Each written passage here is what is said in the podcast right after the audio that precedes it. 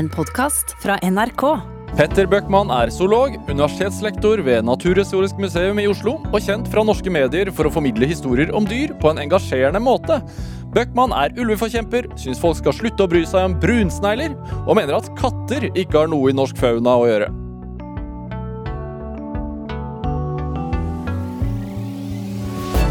Dette er Drivkraft med Vegard Larsen i NRK P2.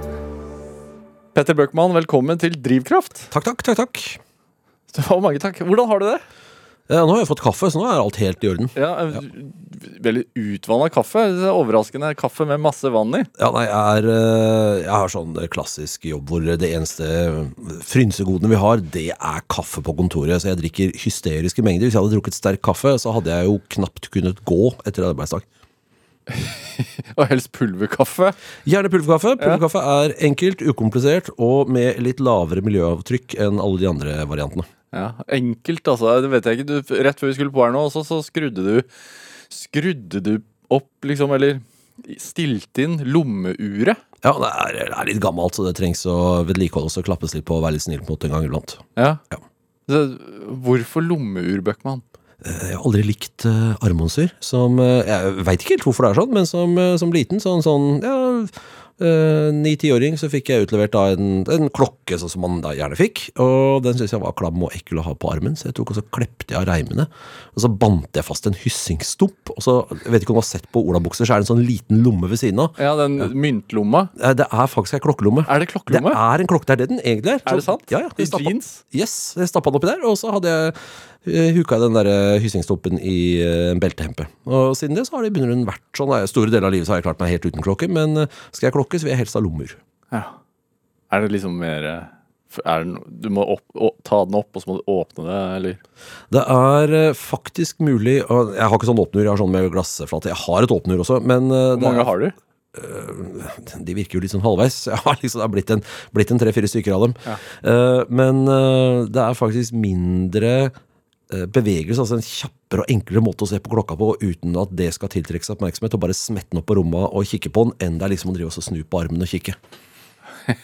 Ja, Det er som mobilen. da Man må opp med den for å se på klokka. Jo, men den er, den er stor og klumpete, ikke sant? Og det er sånn, jeg kan tenke deg, Jobben min er, er nede på museet der jeg står, det er noen skoleklasser der. Hvis jeg skal stå og så dra opp mobiltelefonen for å kikke på klokka mens jeg sjøl snakker, da er, du, da er du over på noe som er uhøflig. Ja, Det er jo veldig lite pedagogisk. For de, de har antagelig fått ekstremt streng beskjed før de kommer inn og skal gå runde med deg, at ikke se på mobilen. Ja, ikke minst har jeg gitt den uh, beskjeden selv.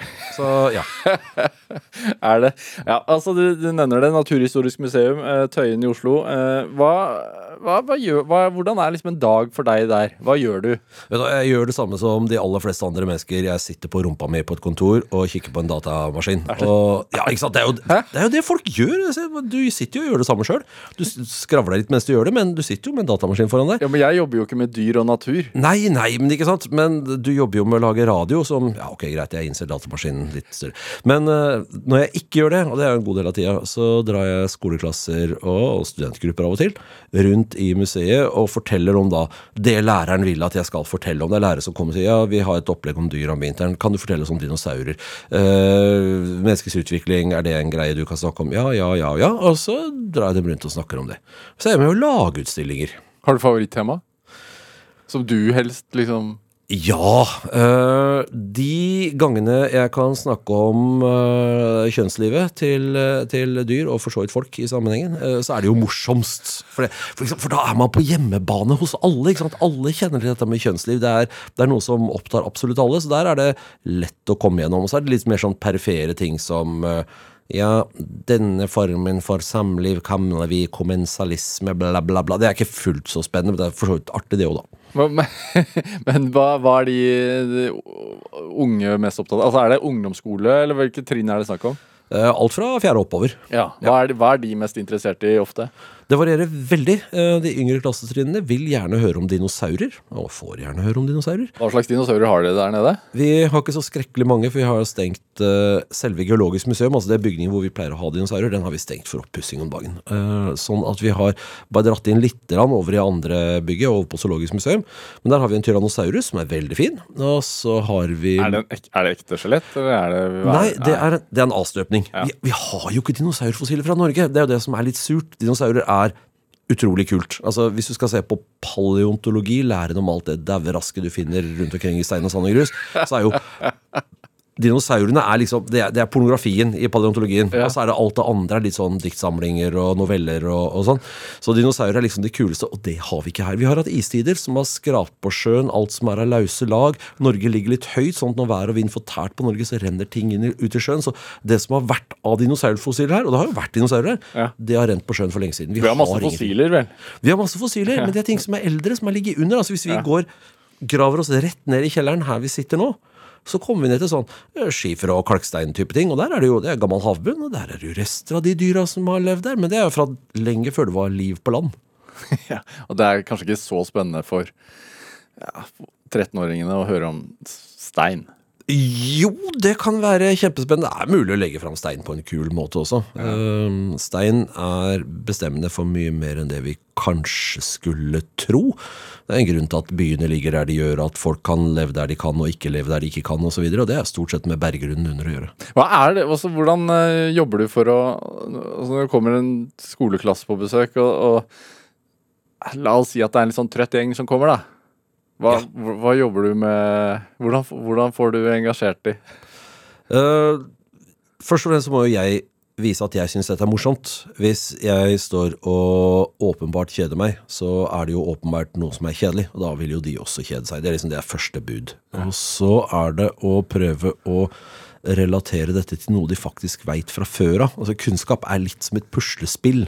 Du deler ut brikker. Jobben min er å gi folk brikker, men en laus brikke er ikke så mye verdt. En brikke som henger på et annet sted, derimot, den er verdt noe. Så det er prøve å hekte disse brikkene på biter av puslespillet som de presumptivt kjenner fra før. Og da er det veldig enkelt hvis jeg kan ta utgangspunkt i deres egen opplevelse av deres egen verden. Eh, For ungdomsskoleelever, som jo er tjokk fulle av hormoner og fælt lite annet, så er det selvfølgelig kjønnslivet som er, er det greie stedet å gå inn. Ja. Kjønnslivet til dyrene. Ja, og mennesker, vi er jo ett av dem. Det er jo, det, det er jo ikke noen andre regler som gjelder for oss enn som gjelder for alle de andre dyrene. Men hvorfor syns du det er så morsomt å snakke om?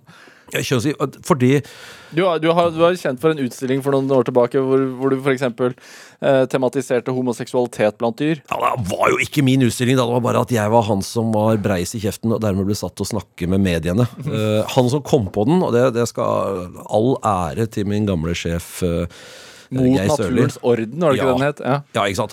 Han som kom på det, satt ved frokostbordet hjemme, og så hørte han en eller annen sånn breial pastor ned fra Sørlandet bare 'Homoseksualitet er dypt unaturlig', og så satt han hva, hva er det denne fyren snakker om? Det er jo, det er jo ræl, det er jo tull.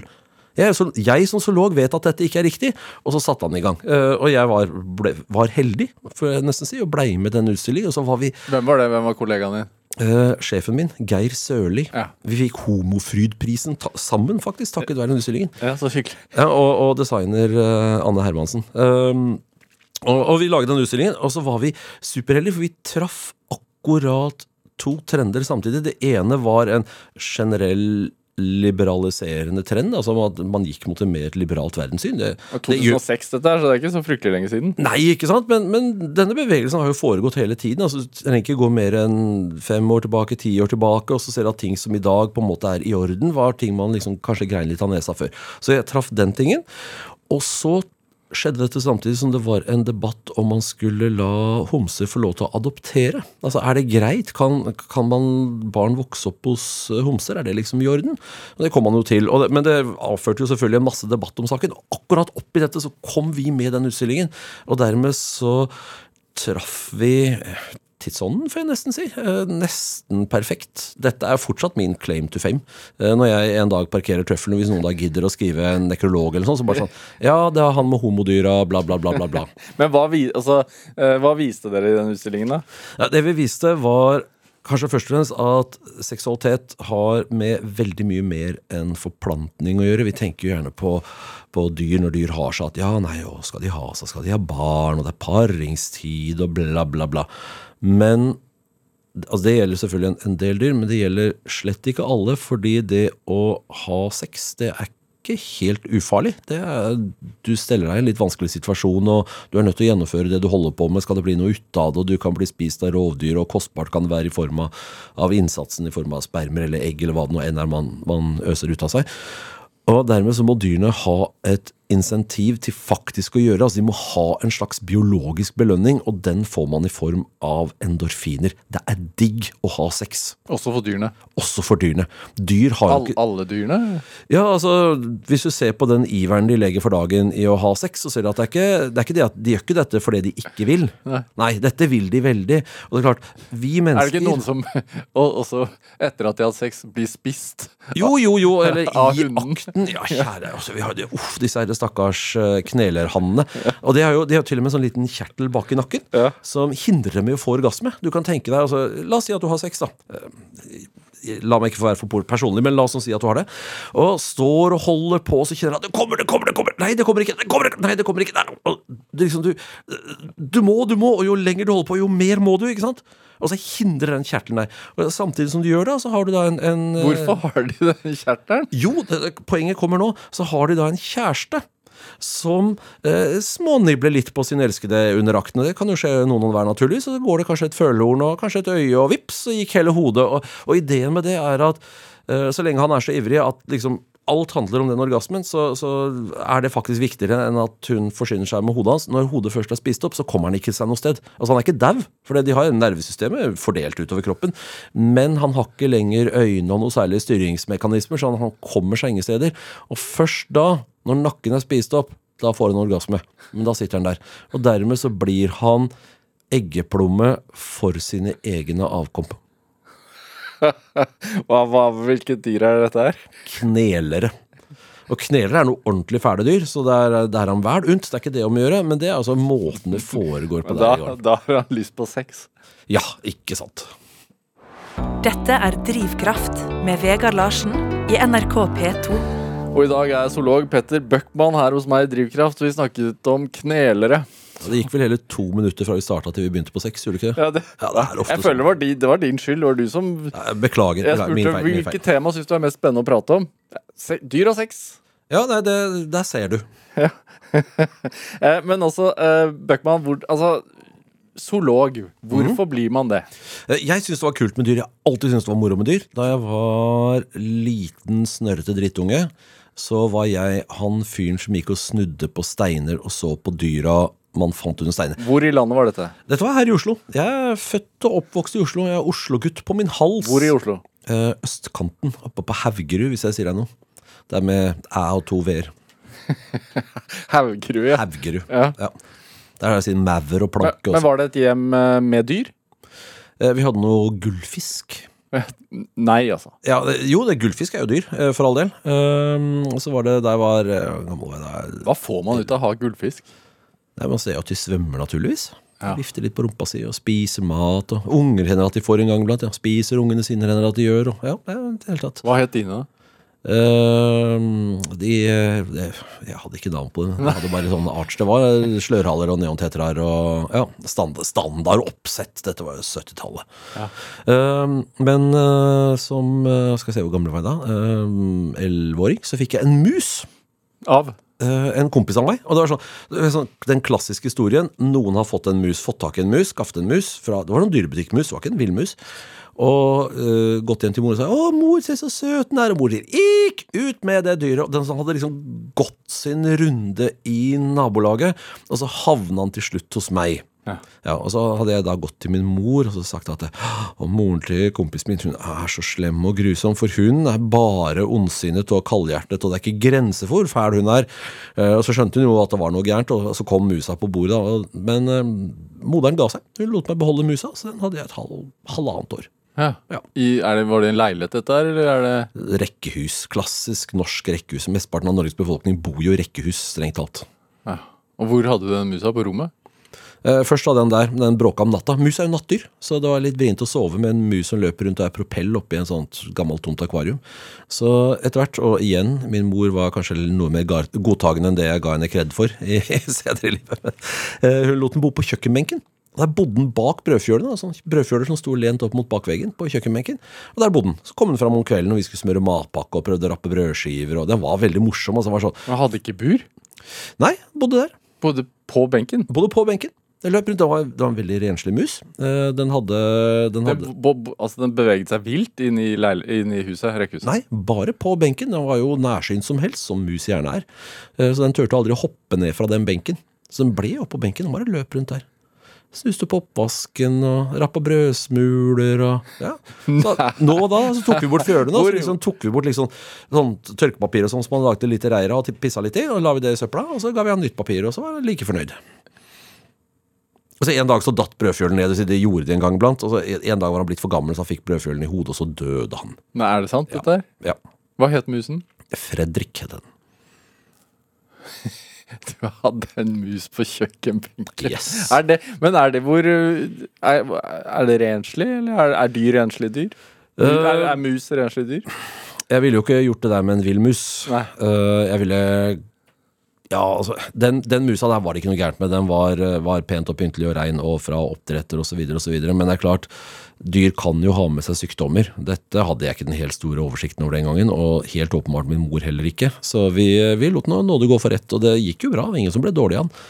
Men øh, ville dyr, sånn dra inn et eller annet dyr fra skauen, kan gå gærent. Vi har jo nå nettopp en liten epidemi rullende og gående rundt omkring, som skyldes noe uheldig omgang med dyr, så dette kjenner vi jo godt til. Ja. Men er det man, altså, Du hadde gullfisk, og så tok du inn en mus, eh, som jo Det er jo ikke noe dyr man liksom koser så mye med. Jo, og den var kjempesøt. Er det kjelen? Ja, i hvert fall da den var ung, så likte den å ligge på hånden og bli klødd bak øret og sånn. Så gammel så ble den litt gammel og grinte, men det blir jo dyr, inkludert mennesker. Men var det altså, Var det den som startet din interesse for, Nei, nei, for nei. dyrene? Eller Nei, hva? kjære deg. Det, som sagt, jeg var han i barnehagen som gikk og så etter dyr. Fant tusenbein og snegl og maur og Jeg jeg husker kanskje den sånn tydeligste opplevelsen var um, var på tur i eh, nærområdet med, med barnehagen. Så hadde barnehagetantene tatt med seg et sånt stort norgesglass. Og så kom vi til en dam et sted hvor det er en sånn forsenkning i terrenget, så det er en permanent dam der. Og så tok de et stort glass med vann, og så så vi at det var masse ting som svømte rundt i det vannet. Og det er det jo i sånne små skogtjern. Sånne små ting som ser ut som prikker i litt diverse farger. Noen røde og noen svarte. Rumpetroll og Nei, de er jo store. Altså, Rumpetroll vet man jo hva er. Ja. For det, så, I Norge så er det sånn at de aller fleste barn har sett en bok med dyr i før de kan snakke nærmest. Det nærmeste første de fleste barn lærer å si dette landet, er bæs i sauen og brøls i løven. Ikke sant? Så jeg mener, dyr kjenner vi faktisk til, vi er ikke helt uh, tapt der. Men alt det der småtteriet Alt det småtteriet som var i vannet. Jeg spurte disse barnehagene hva er den der? Og de hadde jo selvfølgelig ikke anelse om hva dette var. De færreste veit jo egentlig det. Og det, det syns jeg var spennende. Det vil jeg gjerne vite. Ja. Og så pleier jeg sånn. Hvorfor tror du det er sånn at som du sier at barn altså de lærer å si mamma og pappa, og så sier de altså bæ eller mø? Ja, I Norge så gjør vi det, men dette er, ikke, dette er ikke noe som er allment i hele verden. Jeg har jo masse elever på besøk hos oss, og folk kommer litt herfra og derfra. Og jeg ser jo det at eh, folk som har hva skal jeg si, sånn norsk, tradisjonell norsk bakgrunn, de kan disse tingene, og de, de veit veldig mye om natur. Mens jeg har elever som kanskje er ja, la oss si ungdomsskolealder, da, som, som kommer, og så blir de forbauset over å høre at det fins flere typer trær. Jo, de har jo sett at det er sånn, de har liksom aldri reflektert over det. Det er ikke, det er ikke en del av deres kulturelle bakgrunn. Så vi, vi skal huske på at uh, kultur varierer mye fra land til land, og helt ned på spedbarnsstadiet. Ja, men man, som, man blir veldig opptatt av dyr veldig tidlig. Man blir opptatt av dyr veldig tidlig, og det har jo noe å gjøre med at vi som en veldig sosial art, vi liker å se og bli sett. Og, og dyr er på en måte et, et annet sett med øyne som kan se oss, som ikke er mors og fars menneskeøyne. Tror du det er derfor? Jeg er ganske sikker på at det er derfor. Det har noe å gjøre med at vi, vi føler veldig intenst. Vi har eh, det er psykologi, men det er noe som heter theory of mind. Eh, Et dyr som skal spise et annet dyr, må vite at det andre dyret er et selvstendig tenkende individ som prøver å komme seg unna, sånn at den er i stand til å forutsi bevegelsene og faktisk få i seg det dyret han skal få i seg. Sånn at det er ikke, det er ikke likegyldig for en løve som jager en sebra, hva den sebraen er. Den sebraen er ikke en, en klump med mat på noen automatiserte stylter. Den er et dyr som tenker og prøver å slippe unna, og løven må i noen grad forutse hva sebraen gjør. Den må være i stand til å sette seg litt inn i sebraens verden. Vi mennesker er også rovdyr. Vi har også theory of mind. Vi er veldig klar over at dyr er tenkende vesener. Og vi er i stand til å sette oss inn i, i deres verden. Og det ser vi allerede fra barnsben av. Og, og det er derfor så må barn veldig tidlig får empati med dyr. Og, Ja, og så er, de, så er de søte. Du kan jo si at hvis du ser på de fleste barnebøker, så er jo dyrene i barnebøkene er jo egentlig ikke dyr. De er eh, stand-ins for mennesker. ja. Ja. Disneyfisering av dyrene. Ja, ikke sant, men tenk trenger ikke være Disney engang. Er Ole Brumm, da. Ole Brumm handler ikke om en bjørn. Det handler om en, en levende tøydukke som oppfører seg som en gutt. Ja. er det Altså, når du ser tilbake på, på da du var barn um, Ja, du var interessert i insekter og det du så i et tjern og sånn som veldig liten, men, men hva, Merket du at du hadde en sånn Altså at dyr var mer spennende enn mennesker, holdt jeg på å si? Ja, kanskje. Ehm, det er en forfatter som overhodet ikke er filosof. eh, Douglas Adams, vært borti han? Ja, eh, han har skrevet en bok eh, som handler om Jeg husker ikke tittelen på den engang. Men der er det noen som diskuterer dette med, med hva som motiverer folk. Sier han det i den boka alene. Hovedpersonen i boka sier det at det er på en måte to ting du kan motiveres av. Du kan motiveres av mennesker, eller du kan motiveres av ideer. Og folk som er motivert av mennesker, syns det er veldig kjedelig å stå og snakke om ideer, fordi at de vil gjerne relatere det til det menneskelige, altså til seg selv og til det sosiale og til andre. Mens de som da er veldig opptatt av ideer, syns at dette sosiale blir veldig sånn der platt og pjattete og bare sånn åh, erk. Ærlig talt, jeg driter av hva hun har på seg, type problemstilling. Eh, jeg heller nok mot idésida i det spekteret der. sånn. Jeg liker dyr som fenomen. Jeg liker å diskutere ting litt løsrevet fra, fra kanskje nøyaktig hva det har å si for meg, men altså på- et plan som handler om tingen som seg selv. altså Hvordan funker denne, hva er denne, hva, hvilken, hvilken virkning har dette på andre, etc. Ja. Ja. Mer enn på det emosjonelle plan? ja. Ja. Jeg er selvfølgelig kald og helt uemosjonell. Men er det, er det derfor du også har sagt en gang at katter Det trenger vi ikke å ha her i Norge? Eh, jeg har egentlig ikke sagt det, men eh, nei. Det, det, har, det har faktisk ikke med, å gjøre med det. Det er jo et av de faktisk emosjonelle argumentene jeg har kommet med. Det er jo sånn at eh, katter er jo ikke en norsk dyreart. Den er en egyptisk art. Den hører hjemme i sanddynene i Egypt, hvor den går og jakter på små dyr. Disse små dyrene hadde en tendens til å drive og spise korn, så det var veldig heldig at de bodde der hvor man begynte med korndyrking. Det er sånn heldig sammentreff. Og følge seg er katta det eneste dyret som har temmet seg selv. Den, liksom, den, den bare flytta inn hos mennesker, for der var det mat å få. Og, katta er jo, altså En tam katt er jo superhyggelig. Hvor lang tid bruker et dyr på å temme seg selv? Eh, Forbausende få generasjoner Ja. hvis mennesket får lov til å ha fingra med i spillet. Men det har vi egentlig ikke hatt med katter før kanskje de siste par hundre åra. Med det resultat at katter er jo ikke De er ikke tamme sånn som en ku er tam, eller en hund er tam, eller noe sånt. Altså Katta ser på oss som en slags litt tilbakestående matdispenser. Som, eh, som kan gi dem litt sånn kos når de måtte ha lyst på det en gang iblant.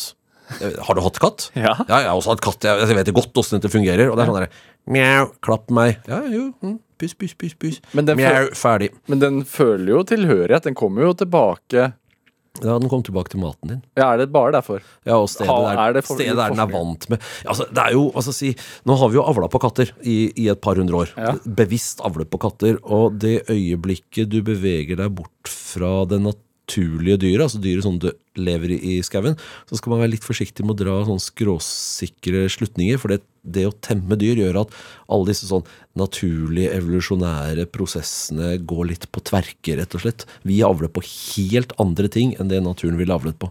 Så ja, det er fullt mulig å avle ei katte til å være sosial og like mennesker. Uh, Men mener du at katter egentlig ikke liker mennesker? nei, i ut- utgangspunktet så gjør jo ingen dyr det. Mennesker er jo livsfarlige. Vi er jo rovdyr. Det er ikke noe grunn til å like mennesker hvis du er et annet dyr. Sånn i utgangspunktet. Ja, bikkjene liker oss. Ja, men legg merke til, det er det, det er det eldste tamdyret vårt. Dem har vi hatt gående sammen med oss i 20 000 år. Og katt, det er mennesker og hunder har veldig lik biologi, eller mennesker og ulver har veldig lik biologi. Vi er flokkdyr. Vi er jegere. Vi, Riktignok så løper ulven ganske fort, men han løper ikke så fort. Den er ikke sånn gepardkjapp, liksom. Sånn at for å få tak i maten sin, så må ulven gjerne samarbeide, og gjerne i flokk. De spiser store dyr. Kan tenke deg en ulv på 60 kilo tar en elg på 200. Og dette er, dette er ikke noe du barker på aleine. Og dermed så ser vi at mennesker er også sånn.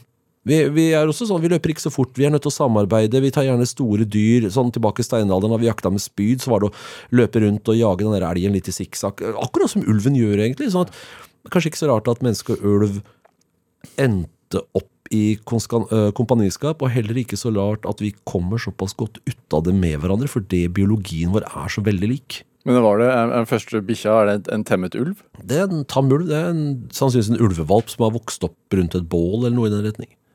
Ja, det, altså det er, er det fakta?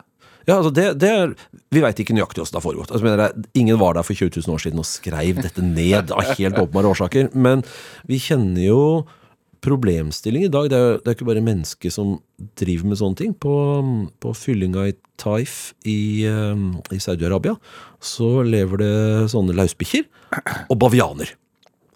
Og der ser vi, Det hender at uh, bavianhanner typisk går og, og kidnapper en hundevalp Oi, og driver og klapper på den. Og det, er, det gjør de for å innynde seg hos eh, hundene. Bavianhundene.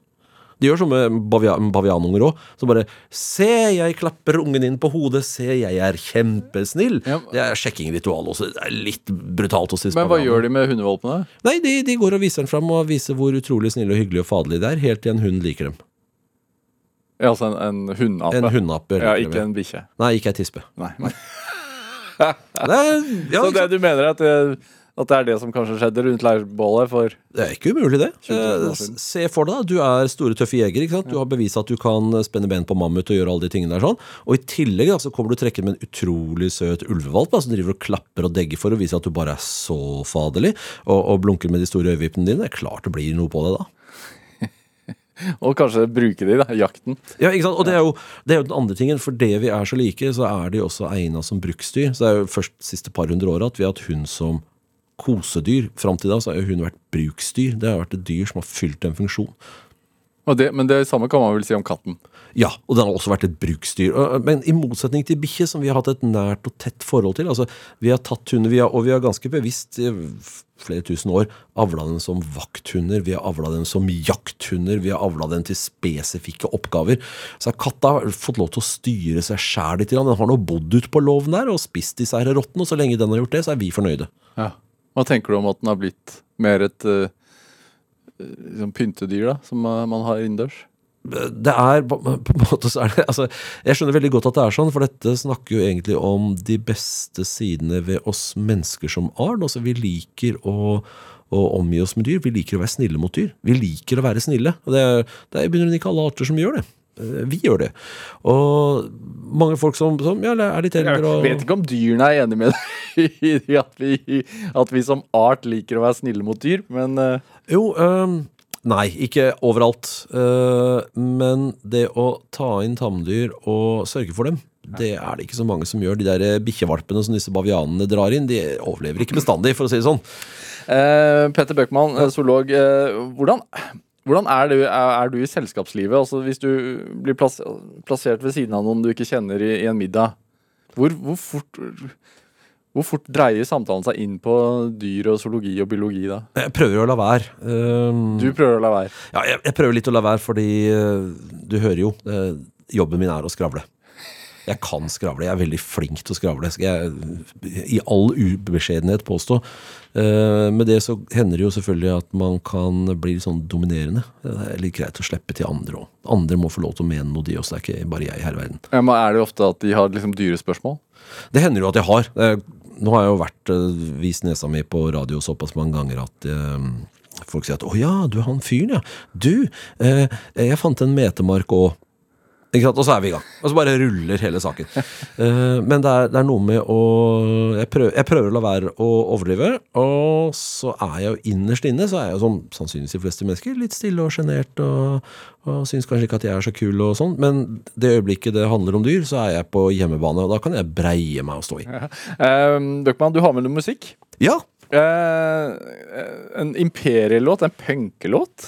Ja, det er jo, låta er jo ikke punk per se, men det er et eh, hva skal jeg si, eh, sånn, eh, typisk sånn svensk rockepunkeband. Men de har laga en variant av en Bellman-sang. Gamle Mikael Bellman, som jobba på tidlig 1700-tall, 1600-tall, borte i Sverige, og skrev masse låter. Og dette er jo sånn, dette er den svenske nasjonalskatten på mange måter.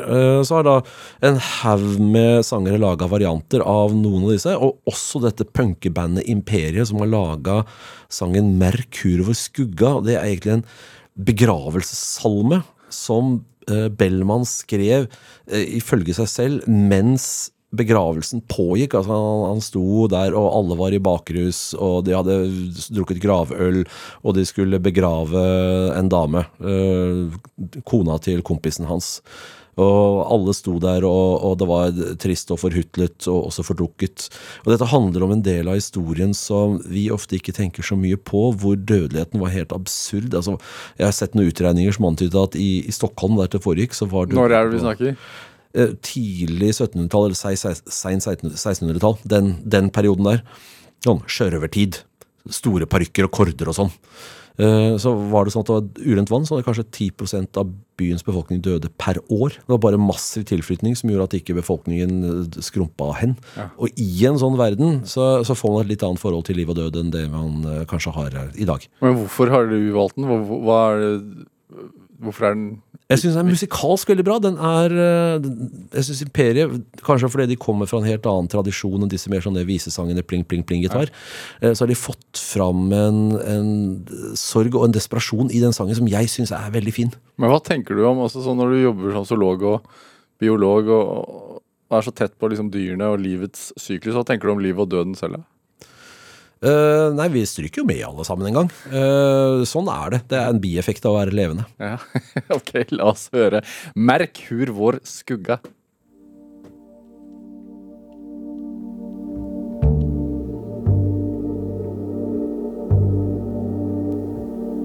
Merk hur vår skugga, merk movits mon frère. Inom et mörker sig sluter Hur guld och purpur i skoven den där. Byts till grus och klutar.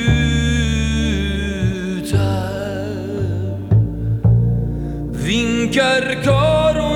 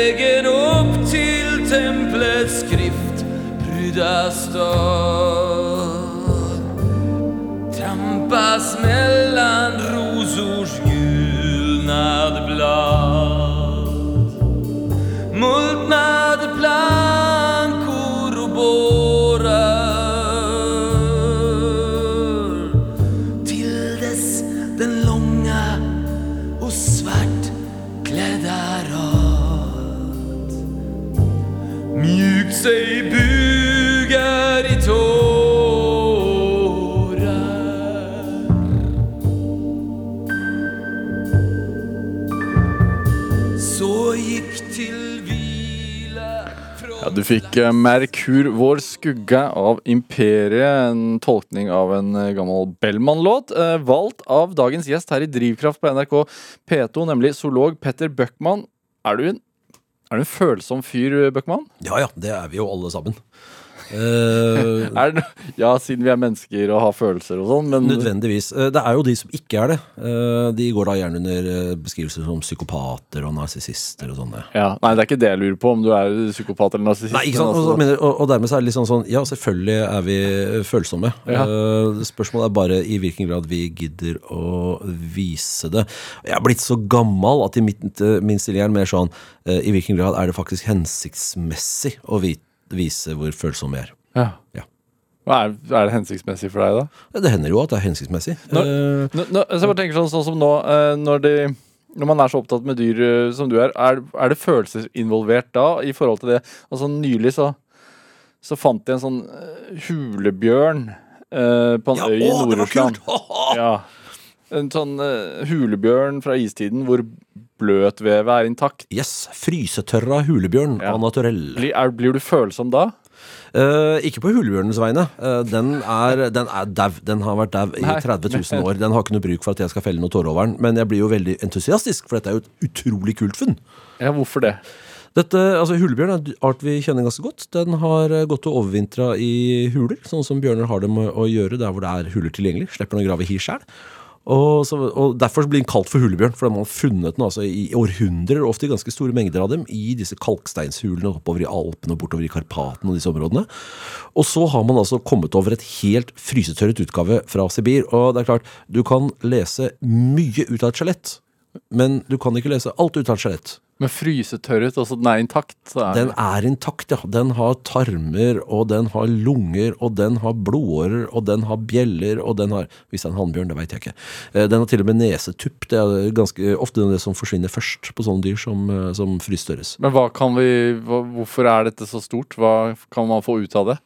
Eh, For det første så er det godt mulig at vi nå har nok DNA til å få et fullt genom fra dette dyret. Vi vet nøyaktig åssen den henger sammen med, med, hul, nei, med brunbjørn og isbjørn. Eh, Hvordan den- skiller den seg? den har vært eh, Hva skal jeg si Hvis vi sammenligner med brunbjørn og isbjørn da altså, Brunbjørn er, spiser mest blåbær, og så tar den gjerne litt elg når den står opp etter, etter en lang og kald vinter. Uh, isbjørn er et rent rovdyr. Det er ikke noe planter der isbjørnen bor, så den er, spiser bare kjøtt.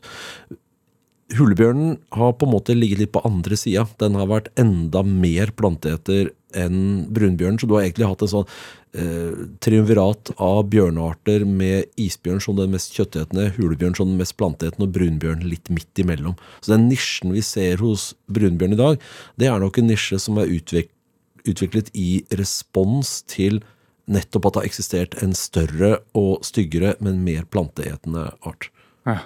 Hvorfor døde den da? Eh, sannsynligvis pga. et litt eh, trangt boligmarked, sånn den gangen det var huleboere. Det er jo ikke bare hulebjørner som bor i huler. Ja, altså menneskene som tok den? Jeg var nok også ja, jeg er redd. Du tror det? At, Ja, ja. eh, og det, det, er litt sånne samme spørsmål som folk stiller. eh, hvorfor er det bare store dyr i tropene? Altså Hvorfor er det bare i tropene du finner elefanter og neshorn? Og det er det gale spørsmålet. Eh, riktig spørsmål er hvor er det blitt av alle de store dyrene alle andre steder? Og Svaret på det spørsmålet er det er vi mennesker som har spist dem opp. Og grunnen til at vi ikke har spist dem opp i tropene, er at der har det vært mennesker de siste to millioner åra. Sånn at der har dyrene på en måte vent seg til å ligge unna. Det hadde de altså ikke i nordområdene. Så vi mangler, vi mangler elefant her til lands. Vi mangler, og vi har hatt det. Vi finner jo rester av den. Vi vet altså mammuten, da. Mammuten, ja. Strihåra norsk fjellelefant. Ja, vi veit vi har hatt uh, ullhåra neshorn oppe i Sibir. Uh, sannsynligvis har vi hatt mye annet rart òg. Det kan godt hende at vi har hatt den irske kjempehjorten. og Vi kan ha hatt huleløv og mye rart vi er her oppe i nordområdene. Men, men de er borte fordi vi har spist opp det økosystemet. Ja. Så det er ikke Så det at vi står overfor en sånn uh, virkelig sånn arts øh, Altså det er så mange arter som dør ut nå, det er ikke noe nytt. Det er ikke noe nytt. På grunn av oss mennesker, mener jeg. Ja, ja, nei, dette har vi drevet med hele veien. Eh, det, som, det som er forskjellen, er at før så har vi, fra før av så har vi spist opp de, de store dyrene. De som er, hva skal jeg si, har lang barndom og, og ikke får så mange unger av gangen. Som jo selvfølgelig er lett å utrydde, nettopp av den grunn. Men så ser vi at det begynner å dø til en del dyr som eh, kanskje har korte liv og får mange unger av gangen. Og det er en eh, alarm som rusler og går der, som ja, opptil flere har bitt seg merke i. Er det Blir du bekymret av det? Det jeg er mest bekymret for, det er altså har, Vi har jo flere kriser gående samtidig. Vi har eh, klima, selvfølgelig, Ja. som bidrar her. Som, som slett ikke er noen gode nyheter. Men hovedproblemet som ligger i bånn, og som driver både det at dyrearter dør ut, og plantearter også, selvfølgelig, og klimakrisen, det er antall mennesker. Det er forferdelig mange av oss. Og alle sammen de skal ha plass, tak over hodet, og de skal ha mat i magen, de skal ha klær på kroppen, og, og de skal ha et liv og greier. Og det er klart, det tar plass, og det tar ressurser. Og det er plass og ressurser som da dyra ikke kan ha. Så vi er nå i en situasjon at hvis du ser på pattedyr, altså dyr med pels på, så er målt i biomasse Nei, jeg tror det er kanskje det er individer. Jeg er ikke sikker. Jeg sier det er biomasse. Eh, Så er 95% er mennesker og husdyra våre. Ja. De resterende 5 eller kanskje bare 2 eh, er alle de ville dyra. Alle reinsdyra, alle elgene, alle elefantene, alle musene, alle hvalene. Alle flaggermusene. Alt det der. Det er liksom bare noen få prosent igjen av det. Resten er oss. Hva tenker du om det, da? Vi skal i løpet av de neste 30 år, hvis vi skal tro FNs klima... Nei, hva sier jeg? Folketellingsberegninger. Runde 12 milliarder mennesker. Så utfordringa til våre barn, det blir jo å sørge for at det kommer noe natur igjen ut på andre sida av den kneiken der. sånn. Det skal bli færre av oss igjen på et eller annet tidspunkt. Det er jo ikke sånn at menneskemengden vokser inn i himmelen. Det er, ikke, det er ikke sånn at det ikke er noen slutt. Det er bare plass til så mange av oss, og på et eller annet tidspunkt så går bestander ned igjen. Det gjelder alle dyrearter, og mennesket er som sagt ikke noe unntak fra disse reglene. Så kommer det til å gå ned igjen. Det kan bli pent, eller det kan bli stygt. Litt avhengig av åssen vi fører oss. Håpet er at det er igjen noe natur på andre sida. Du er jo, altså Når du er zoolog eh, og, og biolog, og, og du har ekspertise da om, om arter som har vært, vært der før oss, og, og som er her nå, og hele liksom gangen. Hva, hva, hvilke sjanser Hvordan vil du spå at fremtiden er for vår art? Mennesker Ja. eh, mennesker kommer garantert til å dø ut.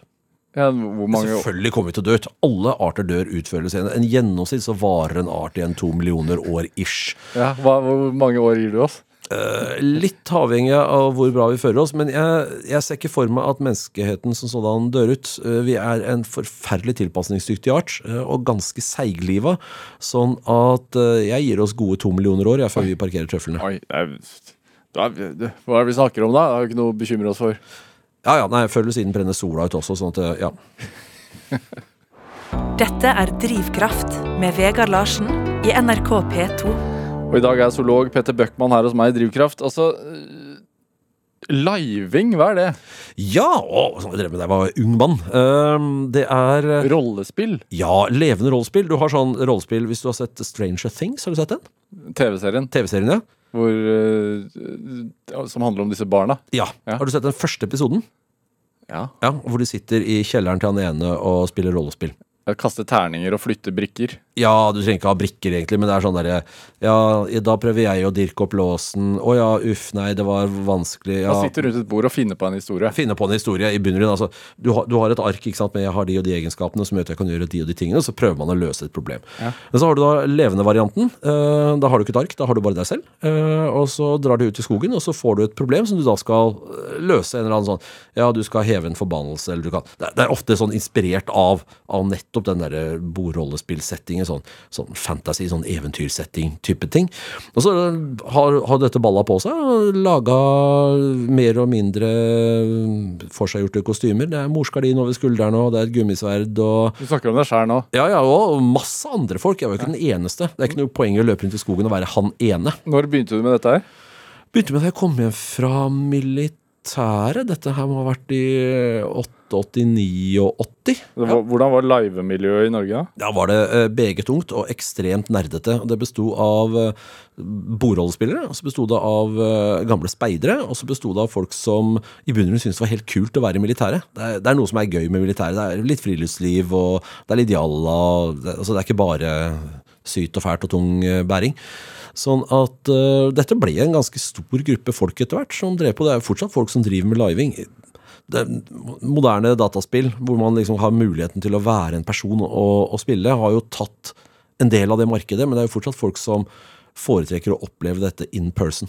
Hvor var det du holdt på med det? da? Ute i skauen. Ja, I Oslomarka, Ja, liksom? ja. Det har vært litt andre steder òg, men ja, vesentlig i Oslomarka. Hva, hva er det som skjer når man holder på med det? Det går man inn fullstendig inn i en rolle, eller hva er det som Det kan man jo styre litt sjøl. Noen ser på det litt som hva skal jeg si, eh, ludo in person.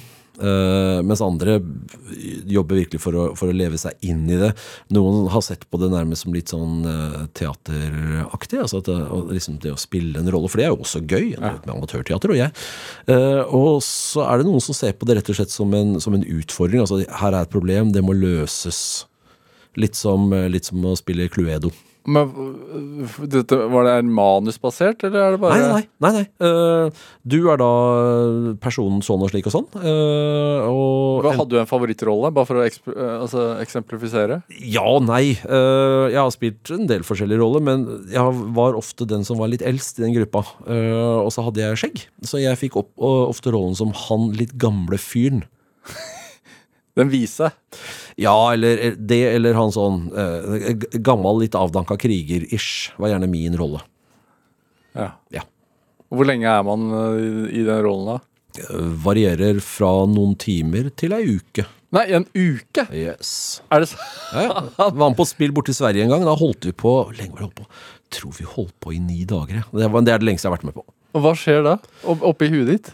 Nei, altså man, man lever seg det, det blir jo en slags sånn alternativ virkelighet på en måte. Uh, og så lever man seg inn i den virkeligheten, og jo lenger man er der, altså jo mer man på en måte har, har investert i virkeligheten, jo virkeligere blir den på et vis. Uh, og så holder man på til, til spillet er ferdig, og så blir man sittende og være litt molefonken en stund da, mens den gamle virkeligheten uh, kommer tytende tilbake og trøkker ut den nye. Hvordan, hvor, hvem bestemmer at man er ferdig? da? Nei, altså Spillet har en, en start, og det er en slutt. Eh, man samles gjerne på forhånd. Er det så fascinerende? Ja, ja, gjennomgå, gjennomgå litt regler, ikke sant? Ikke mokk hverandre i trynet med gummisverd, selv om det er av gummi. Uh, vær snille mot hverandre. Dassene er der. Uh, skulle det skje noe, så gjør du sånn og slik og sånn. Da markerer du for alle at ok, dette er ikke en spillsituasjon, etc., etc., etc. Og så er det gjerne Disse arrangørene har jo da gjerne lagt opp en slags sånt underliggende plott som ruller og går, og det er flere grupper som konkurrerer om et eller annet, og så, så blir du gjerne et crescendo, og arrangørene har investert litt uh, pyroteknikk for å Papoom! Der dukket den store demonen opp, og han sa at blam, blam, blam, men så ble han hugget ned, og så, hvis de andre da har gjort den riktige jobben Og, og, og så slutter spillet, da, når, når storeskurken er død, eller kongen har blitt kronet, eller hva det nå enn er dette spillet handler om. Så det er en virkelighetsflukt? Det er virkelighetsflukt. Det er som å lese en bok, bortsett fra at du sitter og slipper å irritere deg over at karakterene hele tiden gjør teite avgjørelser. For nå er det faktisk du som kan ta avgjørelsene. Hva, hva, hva- men hva som faktisk får du ut av å gjøre det? Sånn er det Friluftsliv, øh, mestring, øh, vennskap. Ja. Dette, dette var jo sånn, litt sånn subkultur, ikke sant? Med, med folk som ja, ikke egna seg til korps, og ikke egna seg til fotball, og ikke egna seg til ditt og ikke egna seg til datt, så havna de gjerne der. Mange av dem var sånn eh, litt sånn øh, Er det deg også? Hva du snakker du om deg selv nå også? I Ja, ja, jeg er ikke noen naturlig fotballspiller på noe tenkelig måte. Nei. Nei. Så ja, jeg havna der. Det er veldig fascinerende. Men det er, veldig, det er mindre av det nå?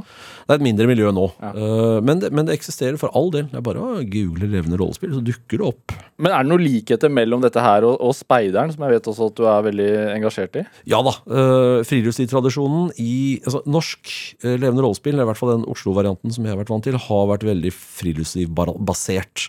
Altså Det har ikke foregått i så stor grad innomhus. I, i andre land så har det hatt mer sånne kanskje sånn murder mystery som har vart en kveld, ikke sant? hvor du forteller ja, du er butleren, og du er hovmesteren, og du er the adventurer from bla, bla, bla. Og så skal man løse et mord innomhus. Mens I Norge så har det vært mer ut på skogen i telt og, og middelalder-type setting.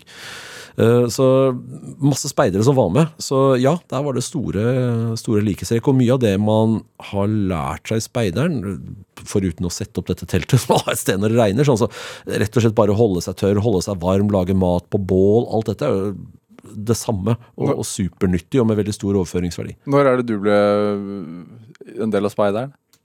Det var uh, gammel jeg da. Uh, åtte år. Da begynte jeg på skolen. Uh, den gangen så begynte man på skolen når man var sju, og så er jeg født helt på tampen av året, så jeg, jeg ble utsatt et, et års tid. Jeg var jo, fantes jo ikke skolemoden. Ja, for du begynte et, et år seinere på skolen? Jeg begynte et år seinere på skolen, ja. Det var eh, det å sende seksåringer på skolen Jeg har en rekke ting å si om. Eh, Jeg begynte på skolen da jeg var åtte og er ekstremt glad for det.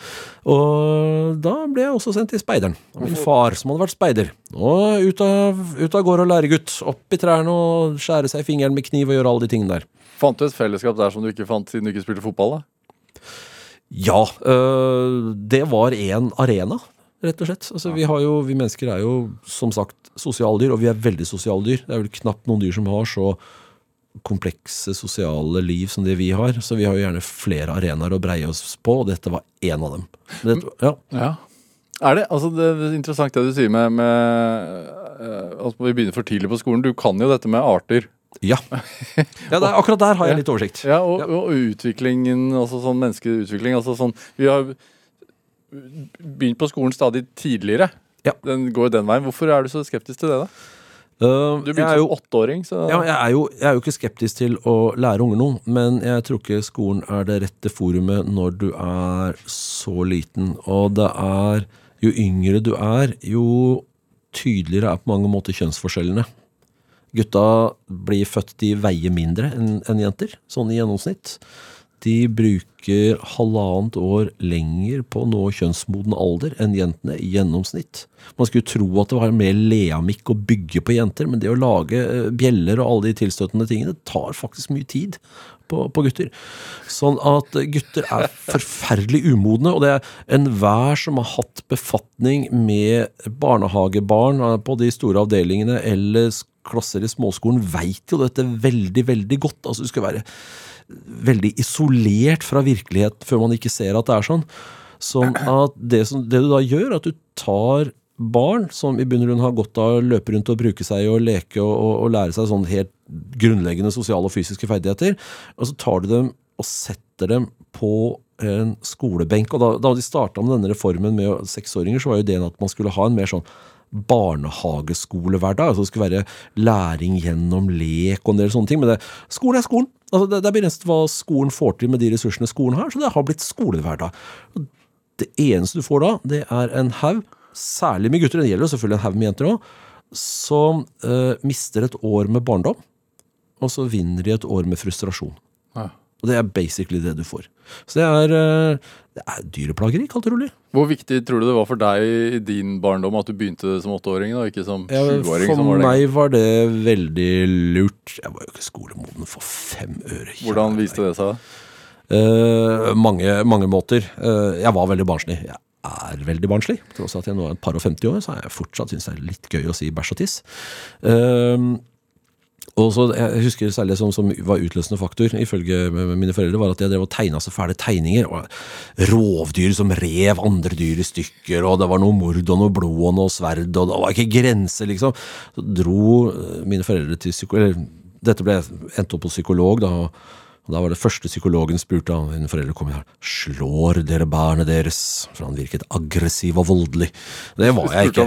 Ja, ja, Jeg var jo verken aggressiv eller voldelig. Jeg tok det vel ut gjennom blyanten, antar jeg. Ja.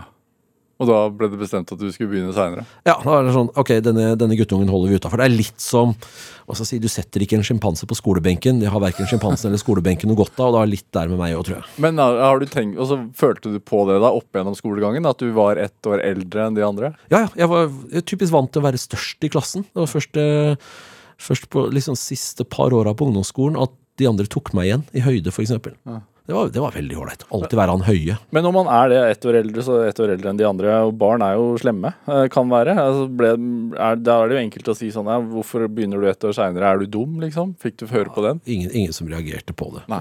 Det var liksom ikke noe snakk om det. Det var eh, Vokste opp på en østkantskole. Ja. Det var nok folk med problemer der å mobbe. De trengte i bunn og grunn ikke meg. Uff a meg, det er forferdelig. Eh, men altså, i forhold til det med artene våre, Bøckmann, og du snakker om barn, som at vi bruker så og så lang tid på å utvikle oss, at vi er treige. Ja.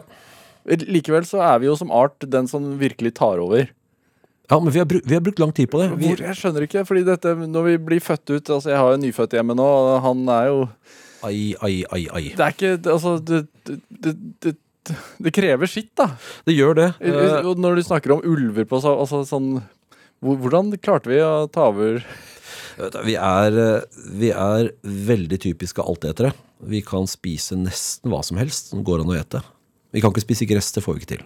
Det er det egentlig ingen dyr som får til. Ei kua, hele kua får til å spise gress. Ja. Den er bakterieeter som fôrer bakteriene sine med gress. Ja. uh, Men uh, fordi vi kan spise veldig, veldig mye rart, uh, og fordi vi er i stand til å omforme landskapet til å gi oss de ressursene vi trenger, så kan det bli veldig mange av oss. Men det tar lang tid. altså Mennesket har en veldig lang generasjonstid. sånn at hadde det vært i en situasjon hvor det var få mennesker, så ville vi vært en art som lett kunne blitt sårbar. Ja. Og kanskje nettopp derfor så er vi veldig, veldig opptatt av å sikre oss. Og det er kanskje det som er, er tydeligst i arten hos oss, er at vi er veldig avhengig av disse stabile forholdene som gir oss det vi trenger. Og vi er veldig, på mange måter veldig feige, og vi tar veldig mange sånne derre Ja, nå må vi sørge for at vi er ditt, nå må vi sørge for at vi at Vi er ikke sånn happy go lucky art som rotter og mus og sånn, som bare lar det stå til. Blir, blir man, når man har den jobben din, blir, blir vi som mennesker også en teori, liksom? Altså sånn interessant? Ja, ja. Det er fullt mulig å løsrive seg fra det faktum at man er et menneske, og prøve å se mennesket litt utenifra og flire av våre særegenheter. Og det, det er en av de tingene som jeg av og til gjør når jeg snakker med skoleelever. Se for deg at du er en zoolog fra Mars. Og du liksom aldri har møtt på et menneske, du veit ikke helt hva mennesket er. Hvis du da skal sammenligne, hva vil du si om bla, bla, bla, bla, bla. Ja. Og det er, en, det er en litt viktig synsvinkel, syns jeg, å, å kunne ta den og se det at eh, vi er, vi er jo ikke noe forskjellig fra de andre dyra. Vi gjør jo akkurat det samme. Vi gjør det på menneskemåten. På den annen side så gjør sjimpansere på sjimpansemåten og delfinere på delfinmåten osv. Men vi er, det er de samme grunnleggende regler som gjelder alle sammen. Hva ville zoologer fra Mars liksom sagt, da? Og mennesker. Ja. Jeg ville jo synes at det var en veldig spennende art. eh, Og så ville jeg jo sett at det er en art som er litt trøblete for resten av planeten. Men vi har jo, som art, så har vi en kjempespennende biologi. Fordi vi har nettopp denne lange barndommen og denne evnen til å sikre oss at vi gjør så mye rart. Vi har et veldig komplekst sosialsystem, at vi er veldig opphendt i sex. Alt dette her er jo artige ting å se på. Eh, Petter Bøckmann, eh, dette programmet heter Drivkraft. Hva, hva er din drivkraft? Jeg syns det er gøy. Eh, Det er kjempemorsomt. Ganske gøy å være meg, det skal sies. Eh, Men natur er morsomt, dyr er morsomt, mennesker er morsomme. Det er spennende, det er artig å lære noe om det, er artig å vite noe om det. Og så vil jeg gjerne at uh, ungene mine, som jeg også har, uh, vokser opp i en verden som ikke er så innmari mye verre enn den jeg ble født inn i. Tusen takk for at du kom hit. Takk, takk. Hør flere samtaler i Drivkraft på nett, eller last oss ned som podkast. Send oss også gjerne ris og ros og tips til mennesker du mener har drivkraft. Send til drivkraft krøllalfa nrk.no. Ellen Foss Sørensen researchet og produserte dette programmet. Jeg heter Vegard Larsen. Vi høres. Du har hørt en podkast fra NRK. Hør flere podkaster og din NRK-kanal i appen NRK Radio.